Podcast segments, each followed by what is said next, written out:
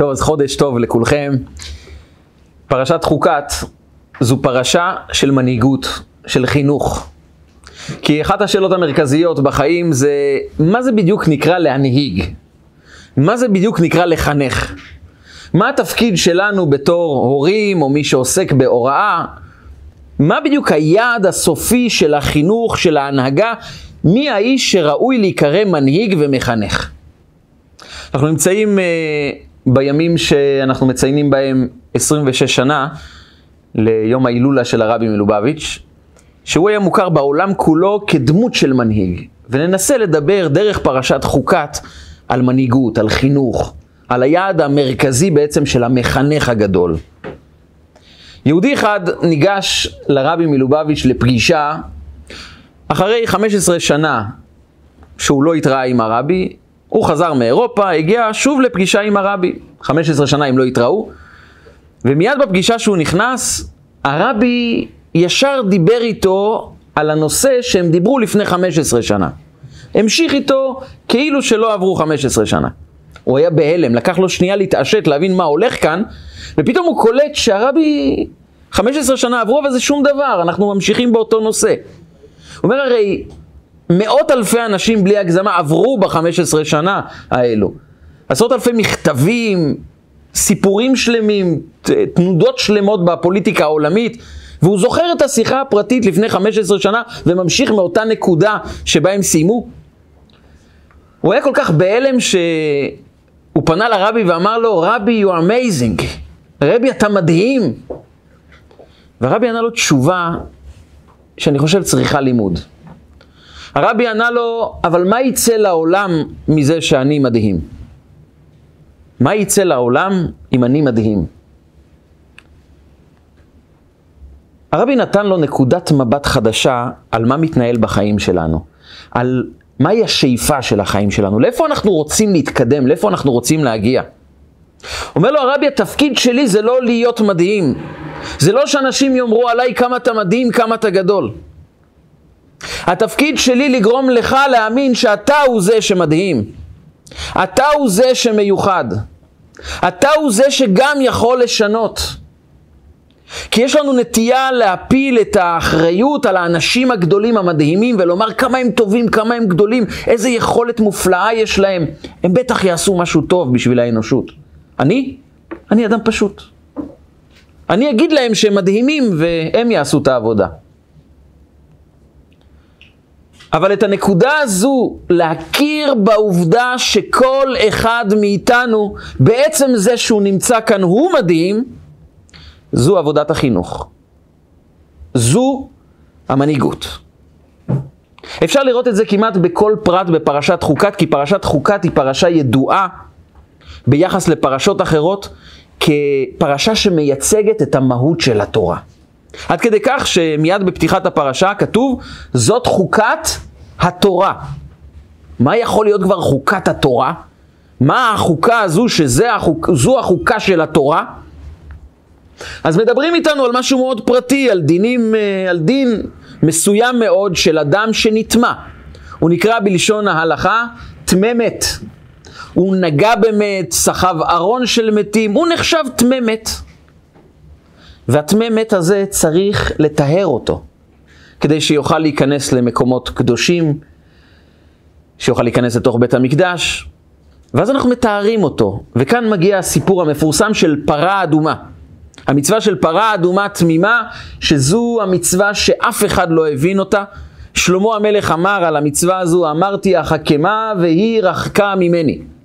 התרחקה ממני, לא הצלחתי להבין אותה. החכם מכל אדם ניסה לפענח את הקוד המרכזי, את המסר הבסיסי של המצווה הזו, לא הצליח. היחיד שידע את הסוד של המצווה זה משה רבנו, כי הקדוש ברוך הוא גילה לו. אבל לכולם הקדוש ברוך הוא לא גילה. סוד טהרתו של טמא המת, דרך הפרה האדומה, אף אחד לא מבין את העומק שיש בה. יודעים מה לעשות, יודעים איך לטהר. להבין, אף אחד לא הבין. אז לא נדבר היום על הפרה האדומה, אבל לא שמים לב שחוץ מהפרה האדומה יש עוד כמה דברים בשביל לתאר את טמא המת. ואחד מהדברים זה שהכהן מצווה לקחת עץ ארז ואזוב. אם אנחנו רוצים לסמל את העץ הגבוה ביותר, החסון ביותר, אנחנו משתמשים בדימוי של עץ ארז. אם רוצים לקחת את העשב הכי שפל, אנחנו לוקחים את האזוב. ואת שני הדברים האלה צריכים לקחת ולהשליך להשליך לתוך האפר של הפרה האדומה, ודרך זה אנחנו מתארים את המת. מה הסוד של עץ הארז? מה העץ ארז צריך לעשות כעת, בזמן שאנחנו רוצים לתאר את מי המת? מה האזוב עושה שמה? בהם יש מסר מאוד מאוד מרכזי. בתהליך של ההתארות הפנימית שלנו, מתוך הטמא מת שפוגש אותנו. כי בכל אחד מאיתנו יש מושג שקוראים לו טמא מת, שתכף ניגע בו. והטמא המת הזה יש לו דרך אחת להיטהר, זו פרה אדומה, ובנוסף לפרה האדומה לקחת עץ ארז ואזוב. כל אחד מאיתנו מצווה כל הזמן בחיים שלו לשאול את עצמו, האם יש לי את העץ ארז בצד ימין? האם יש לי את האזוב בצד שמאל? כי רק דרכם אני יכול לצאת מטומאה לטהרה, מתחושה של מוות רוחני לחיים רוחניים אמיתיים. אבל נדלג רגע לסיפור של סוף הפרשה. סוף הפרשה מדברת על נס גדול שקרה לעם ישראל. נס שמשום מה הוא לא כל כך מוכר, אבל זה נס שהתורה מעידה עליו שהוא נס גדול כמו קריאת ים סוף. וכך התורה מספרת לנו. עם ישראל נמצאים בסוף ה-40 שנה, רגע לפני הכניסה לארץ ישראל. הם עוברים את גבול מואב, את האמורי, תכף הם מגיעים לירדן, לפני הכניסה לארץ ישראל. ואז האמוריים מתכננים את המערב הקטלני ביותר לעם ישראל. הם עולים על הר גבוה, הר עם המון המון מערות, ומתחבאים בתוכו, בתוך המערות, עם המון אבנים גדולות, עם חיצים. הם מתכננים מערב קטלני לעם ישראל, הם אומרים רק שהם יעברו בין שני הערים, ואנחנו נשליך עליהם אבני בליסטראות, חיצים, אנחנו נקצור אותם, נהרוג אותם, וזה יהיה הסוף של עם ישראל. ואז הקדוש ברוך הוא עושה נס.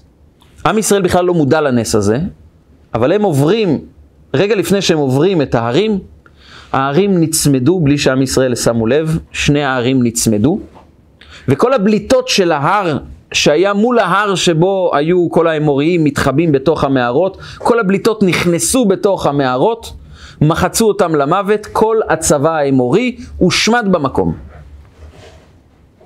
עם ישראל חוצים את המקום, לא יודעים מה היה, מה תוכנן, מאיזה אסון הם ניצלו, הם פשוט עוברים. ואחרי שהם עוברים, אומר הקדוש ברוך הוא, מי יודיע לבניי את הנס שעשיתי?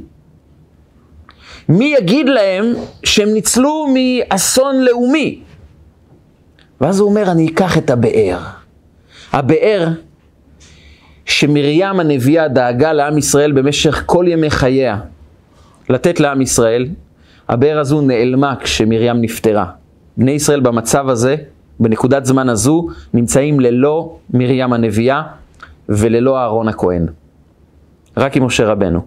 הם איבדו את הבאר, איבדו את ענני הכבוד שהגנו עליהם, אבל הקדוש ברוך הוא החזיר את הבאר בזכותו של משה רבנו, והבאר באה ושטפה את ההר. מין עוצמה של גלי מים שבאים ושוטפים את כל ההר, ופתאום עם ישראל רואים לידם נהר אדום.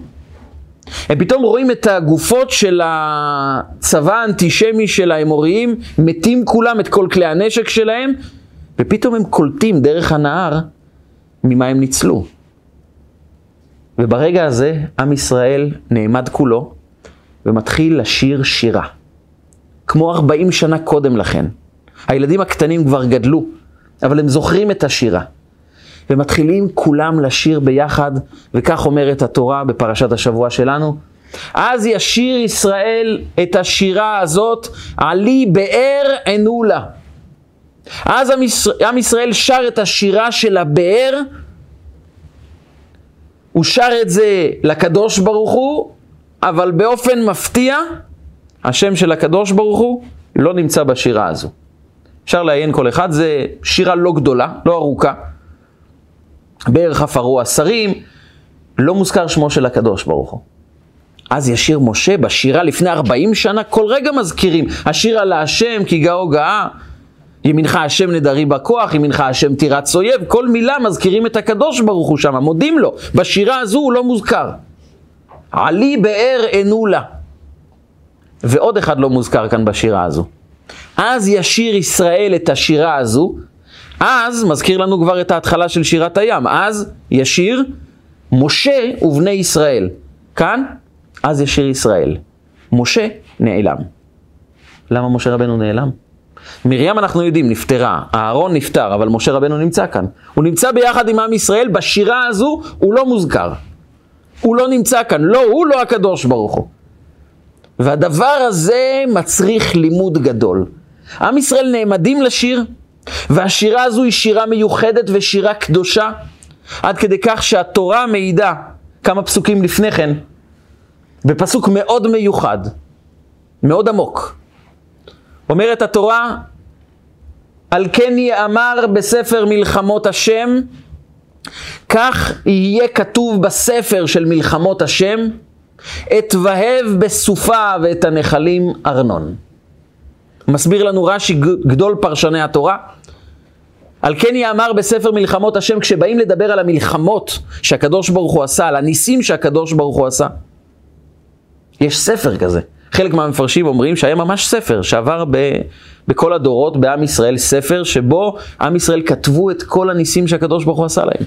זה נעלם עם הדורות, כך כותבים המפרשים, ביחד עם ספרי משלי שלמה המלך ועוד ספרים שעבדו בזמן הגלות. אבל רש"י אומר פשוט, כשמספרים את הניסים של עם ישראל במדבר, יספרו תמיד שתי ניסים באופן מיוחד. אתבהב בסופה, את מה שהוא עשה בסופה זה ים סוף, ואת הנחלים ארנון, ואת הנס הזה שהוא עשה בהרים, שהוא הרג ומחץ את האמוריים, הנס הזה מוזכר ביחד עם ניסי ים סוף.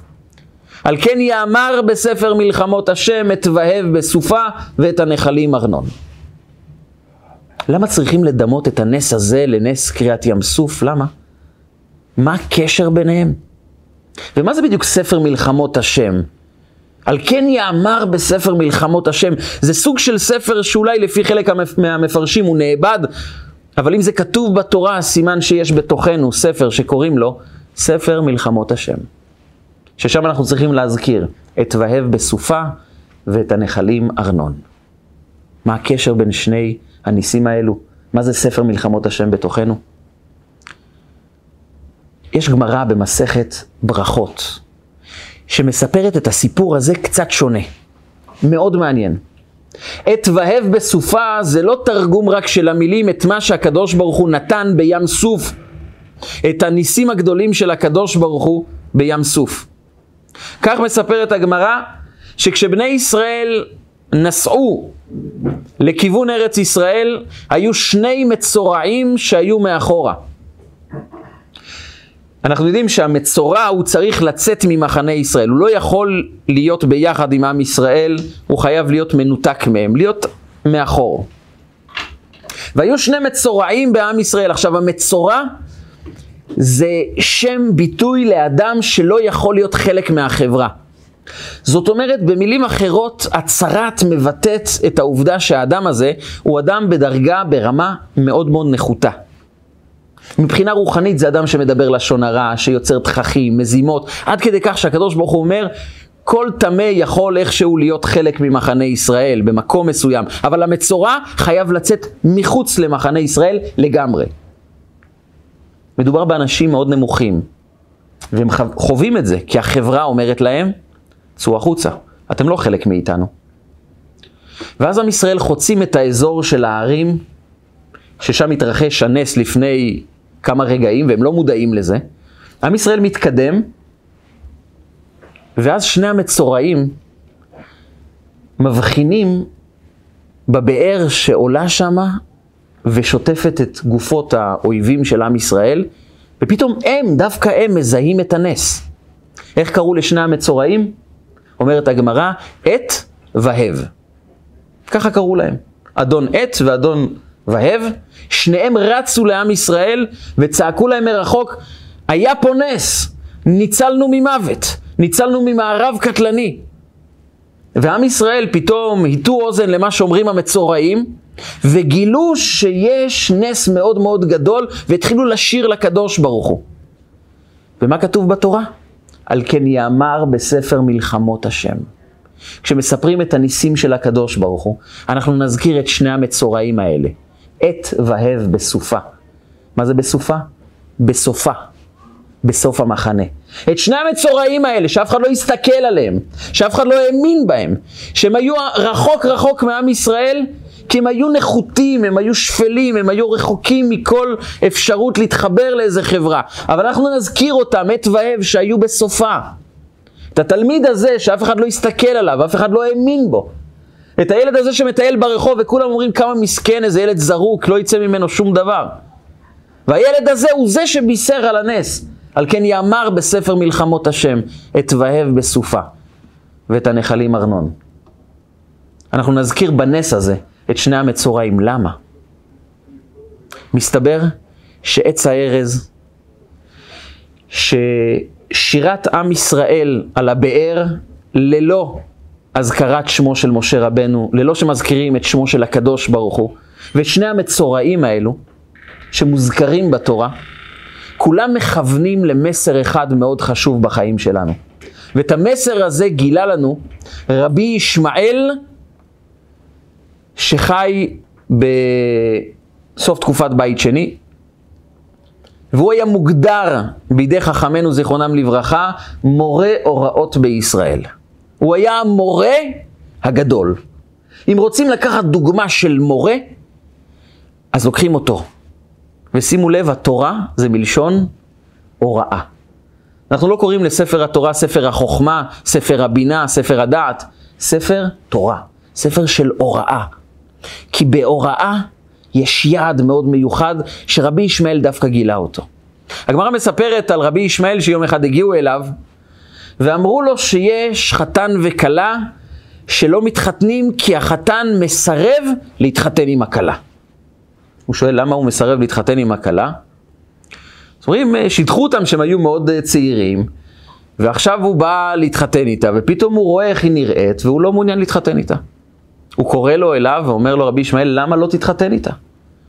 אז הוא אומר, לפי שהיא כעורה בעיניי, אני לא רוצה להתחתן איתה, כי היא כעורה מכוערת בעיניי, אני לא רוצה להתחתן איתה. עד כדי כך, רבי, אני נדרתי, עשיתי נדר, אני לא מתחתן איתה. עכשיו, נדר מסבך את הסיפור לגמרי, כי נדר אי אפשר לבטל אותו.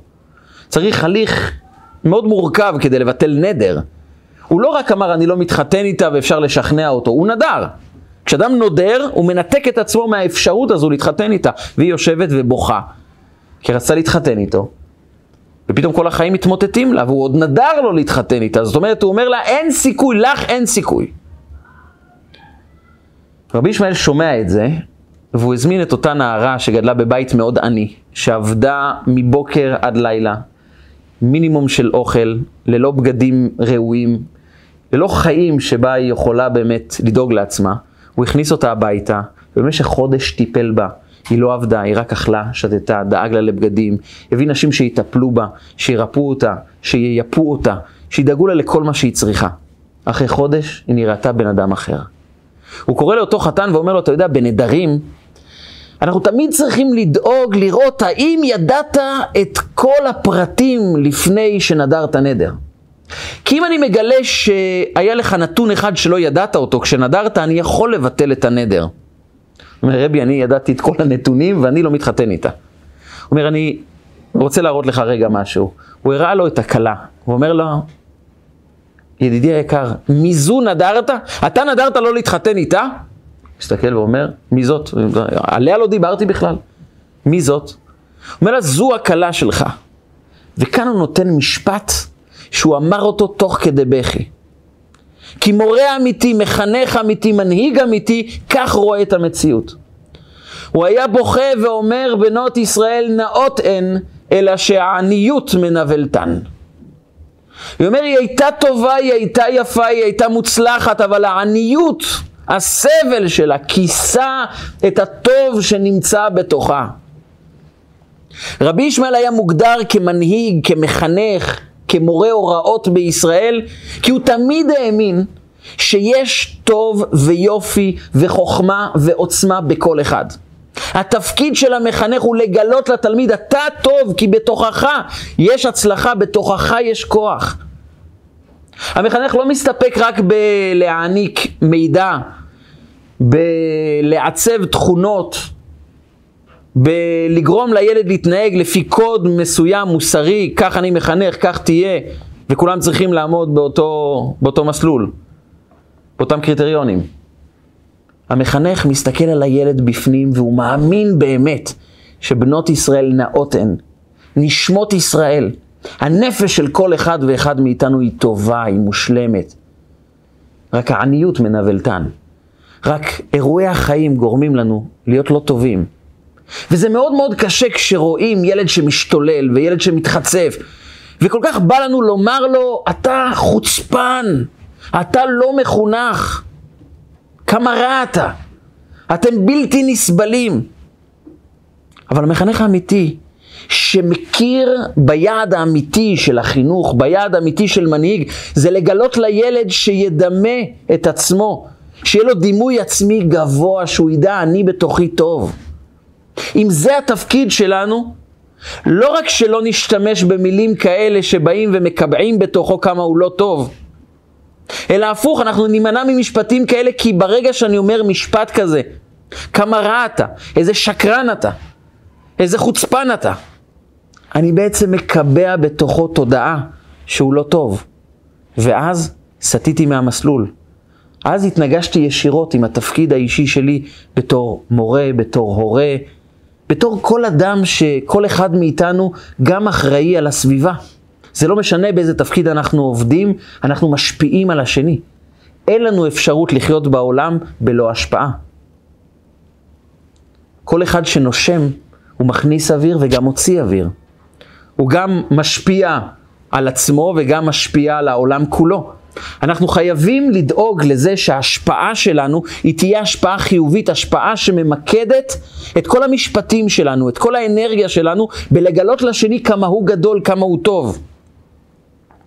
ורבי ישמעאל היה מורה הוראות בישראל. הוא תמיד רצה לגלות שבתוך כל אחד ואחד נמצא טוב. לכן הוא אמר לאותו חתן, כשנדרת לא ידעת ממי נדרת. נדרת על אישה אחרת, לא עליה. לא דיברת עליה.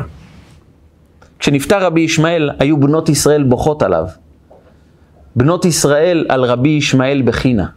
תבכו על רבי ישמעאל, כי הוא גילה בתוך כל אחד ואחד את הטוב שבו. זה הסיפור בעצם של הנס של נחל ארנון. יש כאן שני מצורעים שנמצאים בתחתית הסולם החברתי של עם ישראל. קוראים להם עת והב בסופה, הם בסוף. כשאבא רוצה להגיד לילד שלו, אם לא תלמד, אם לא תתנהג יפה, אתה יודע מה יצא ממך? הוא אומר לו, יצא ממך עת והב בסופה, יצא ממך שני האלה, אתה רוצה להיות כאלה? והם הפכו להיות סמל ודוגמה לחוסר הצלחה, לשפלות, לאנשים של תחתית המעמד החברתי של עם ישראל, שאף אחד לא רוצה להיות כמוהם. מי מגלה את הנס? מי מגלה לעם ישראל את הטוב הגדול שהקדוש ברוך הוא נתן להם? מי מגלה לעם ישראל את הבאר שמצילה אותם? עת והב בסופה. על כן יאמר בספר מלחמות השם, עת והב בסופה. כל אחד יש בו מלחמה בלתי פוסקת. בין הטוב לבין הרע.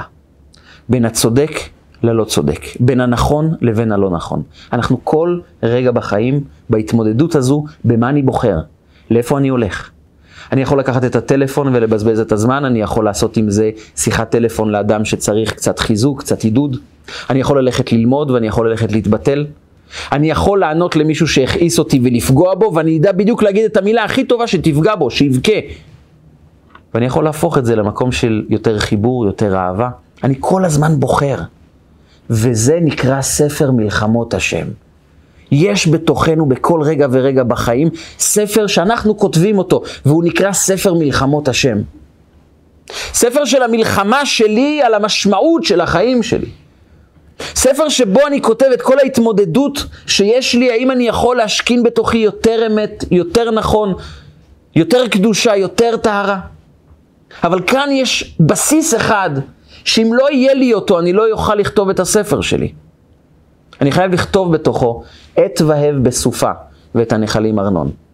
גם כשאני מרגיש נחות, גם כשאני מרגיש שפל, גם כשאני מרגיש שנפלתי, אני חייב לרכוש לעצמי את הדימוי העצמי הגבוה שיש בתוכי עץ ארז, שיש בתוכי גובה, שיש בתוכי טוב מוחלט. כי מה שיקבע האם נוכל להצליח בחיים, האם נוכל לממש את הייעוד שלנו, האם נוכל להגיע ליעדים שלנו, זה קודם כל באיך אני תופס את עצמי. וכשאני אומר לעצמי מי אני, מה אני בדיוק אומר שם? נדמיין לעצמנו שני אנשים. אדם אחד עם דימוי עצמי גבוה, הוא משוכנע שהוא יצליח בכל דבר. תמיד אמרו לו שהוא חכם והוא מוצלח, וככה הוא חושב על עצמו ויש לו המון פרויקטים, וכחלק מההתפתחות האישית שלו, הוא רוצה ללכת לשיעור שמלמד איך לנצל את הזמן. הוא נכנס לשיעור. נכנס עוד אחד לשיעור, אדם שמרגיש שהחיים מתעללים בו. הוא מרגיש שמישהו החליט מלמעלה לקלל אותו, שום דבר לא הולך לו בחיים. הוא משוכנע שהוא נועד להיכשל בכל דבר שהוא עושה. זה קרה לו גם בכיתה א' וגם בכיתה ח' ולמשך התיכון, כל ימי חייו הוא סובל. וגם הוא נכנס לאותה הרצאה. כמה תועלת יפיק הראשון וכמה תועלת יפיק השני. ברור שאדם שנכנס עם המון אנרגיה חיובית על עצמו, עם המון דימוי עצמי אה, טוב וחיובי על עצמו, הוא יצליח לקחת את כל המסרים ולממש אותם בחיי היומיום שלו ולהצליח עוד יותר. האדם שנכנס וכולו שפוף, כולו מרגיש לא טוב, לא מוצלח, ששום דבר לא מסתדר, הוא לא יפיק תועלת מהשיעור, מההרצאה הזו, וגם לא מעוד עשר הרצאות. כי הוא תמיד מאמין שהדברים האלה לא שייכים אליו, כי הוא לא מוצלח. ובתור אדם לא מוצלח, לא משנה מה יקרה, תמיד החיים יתעללו בי, תמיד החיים לא יהיו טובים. הוא לא יפיק רווח מההרצאה לא כי הוא פחות חכם, יכול להיות שהוא יותר חכם מכולם ביחד בהרצאה הזו. הוא לא יפיק תועלת כי הוא מרגיש אני לא שווה, זה לא מדבר אליי, זה לא קשור אליי. וכשאני מרגיש שדברים הם מחוץ לחיים שלי, אני לא מצליח לחבר אותם אליי. כדי שאדם יצליח, הוא קודם כל חייב להאמין שהוא גדול, שהוא טוב, שהוא מוצלח, שיש לו את האפשרויות, שאוהבים אותו, שהוא אהוב, שהוא נחוץ, שהוא יכול. בלי זה הוא לא יתפתח לשום מקום. ולכן אומר משה רבנו, אני מחנך אתכם במשך 40 שנה. גידלתי אתכם כמו אימא שמגדלת ילד קטן. בקריאת ים סוף הייתם עדיין ילד קטן שרק יצא מבטן אמו. רק יצאתם ממצרים. אז בקריאת ים סוף הייתי צריך ללמד אתכם. אז ישיר משה ובני ישראל. משה היה מדבר, שר, ובני ישראל היו חוזרים אחריו.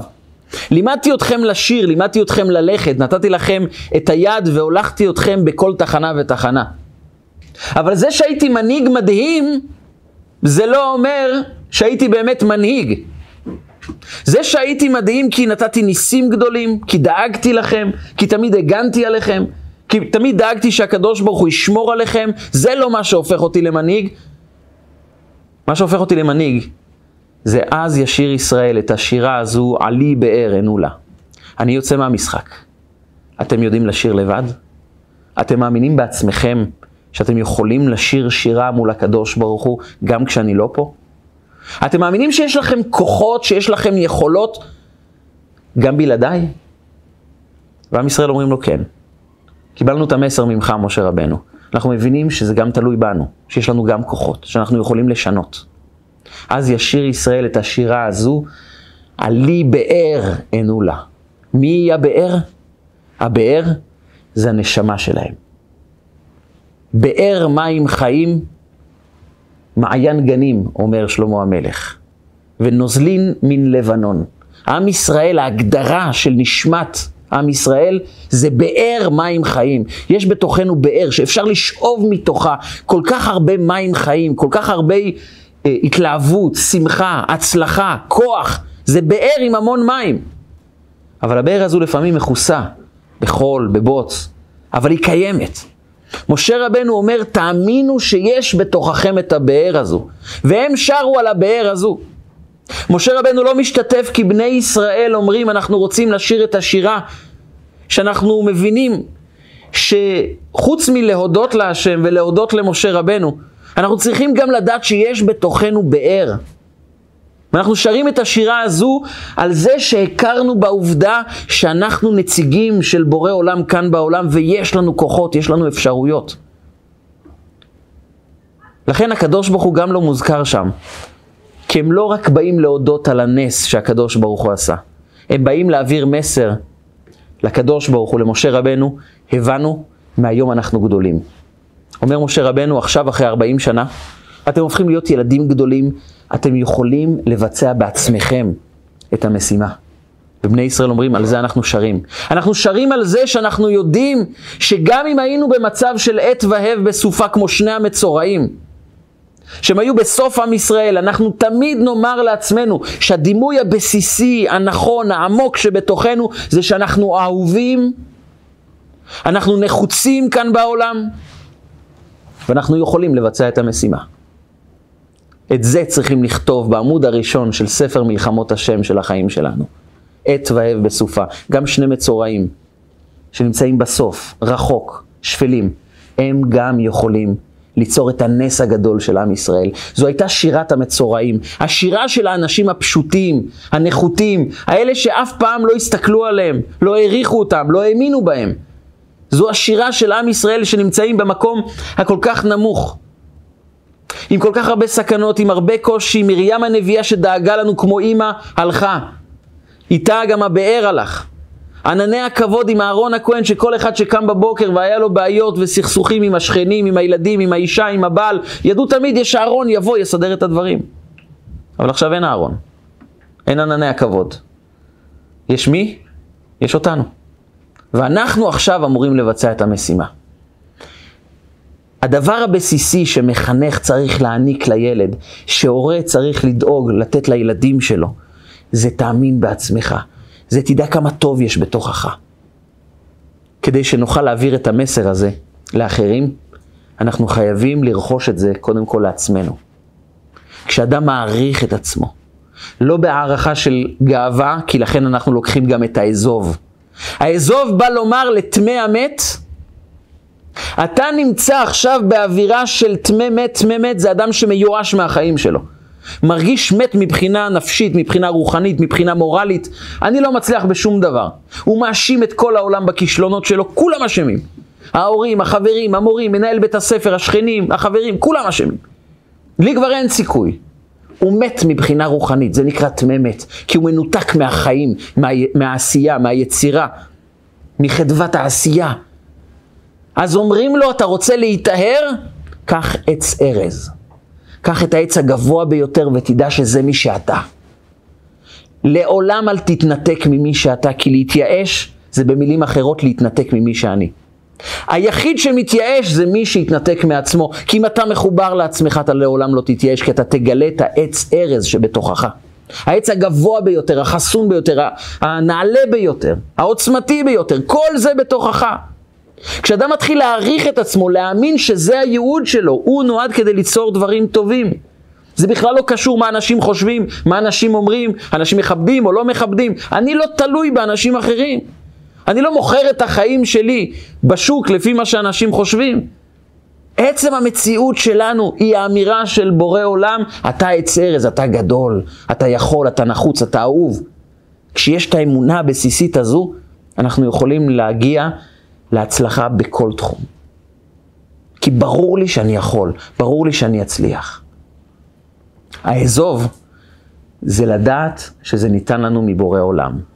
להכיר בעובדה שזה לא אנחנו, שהאמון בעצמנו, ההערכה העצמית הגבוהה, היא לא תבוא על חשבון האחר. היא צריכה לרומם אותנו בתפקיד שלנו. תמיד להישאר עם האזוב, לא להתנשא, לא להתגאות, לא להשפיל אחרים, לזכור שבסך הכל קיבלנו את הכל, אבל קיבלנו, וקיבלנו עץ ארז, קיבלנו את הגבוה ביותר. משה רבנו לא מחפש ליצור תלמידים, הוא מחפש ליצור מנהיגים, אנשים שמאמינים בעצמם, אנשים שיודעים שיש להם כוחות והם הולכים לבצע את הכוחות האלו. וזה הסיפור שאנחנו מספרים אותו כמו בניסי ים סוף, ככה בניסי נחל ארנון. כמו שבים סוף לא הפסקנו לשבח את הקדוש ברוך הוא ולהגיד לו כמה הוא גדול, שלא נפסיק לרגע לשבח גם את עצמנו ולדעת כמה אנחנו גדולים, כמה כוחות יש בתוכנו. זה לא נגד ענווה. זו הענווה עצמה, לדעת שאלוקים נתן לנו תפקיד ולא לברוח. לא להגיד לאחרים שהם מדהימים, אלא לומר לעצמנו אנחנו מדהימים. תפקידו של מד... מנהיג, של מחנך, זה שכל ילד יצא מהכיתה שלו, מהבית שלו ויאמר, אני כנראה מדהים. כנראה שיש בי משהו מיוחד. וכשאדם חושב כך, הוא הולך בכל הכוח ומצליח להשיג כל יעד שהוא יקבע לעצמו. כי הוא מרגיש שהוא מדהים, הוא מרגיש שיש לו שליחות. תומאס אדיסון, הממציא האגדי, שהמציא למעלה מאלף פטנטים, ביניהם הנורה החשמלית, בתור ילד קטן הוא היה ילד מופרע. ילד משוגע פשוט. הוא היה מאוד uh, מתעניין בכל מיני דברים. חלק מהדברים שהוא התעניין זה לראות איך מתחילה שריפה, זה מאוד עניין אותו. אז הוא הלך לאסם, למאגר תבואה בבית שלו, והדליק, רצה לראות איך האש מתפשטת. הוא פשוט חיסל את האסם תבואה, שרף את הכל, ואימא שלו אומרת לו, למה עשית את זה? הוא אומר, לא, רציתי לראות איך אש תופסת, איך זה עולה. היה לו כל מיני סיפורים שגרמו לכך שמנהל בית הספר נתן לו מכתב קטן, אחרי שבגיל 7-8 הוא עדיין לא יודע אפילו להתחיל לקרוא, ואפילו לא מסתדר עם אותיות. כתב מכתב לילד ואמר לו, להתראות, תחזור הביתה. הוא חוזר הביתה, אין לו אבא, יש לו רק אימא. הוא בא לאימא ואומר, קיבלתי פתק, את יכולה לקרוא לי מה כתוב?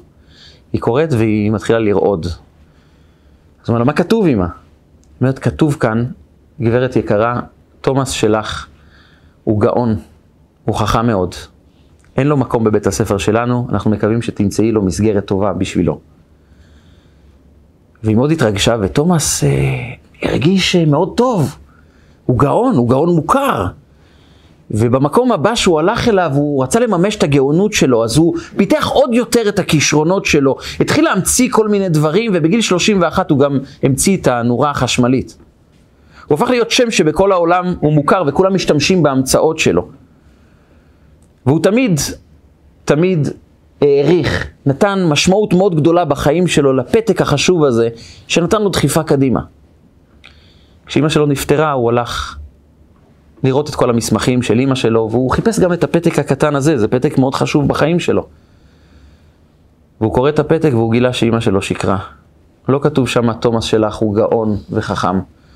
כתוב שם שהוא עצלן וטיפש, ואין לו מקום בבית הספר. היא שינתה שני מילים.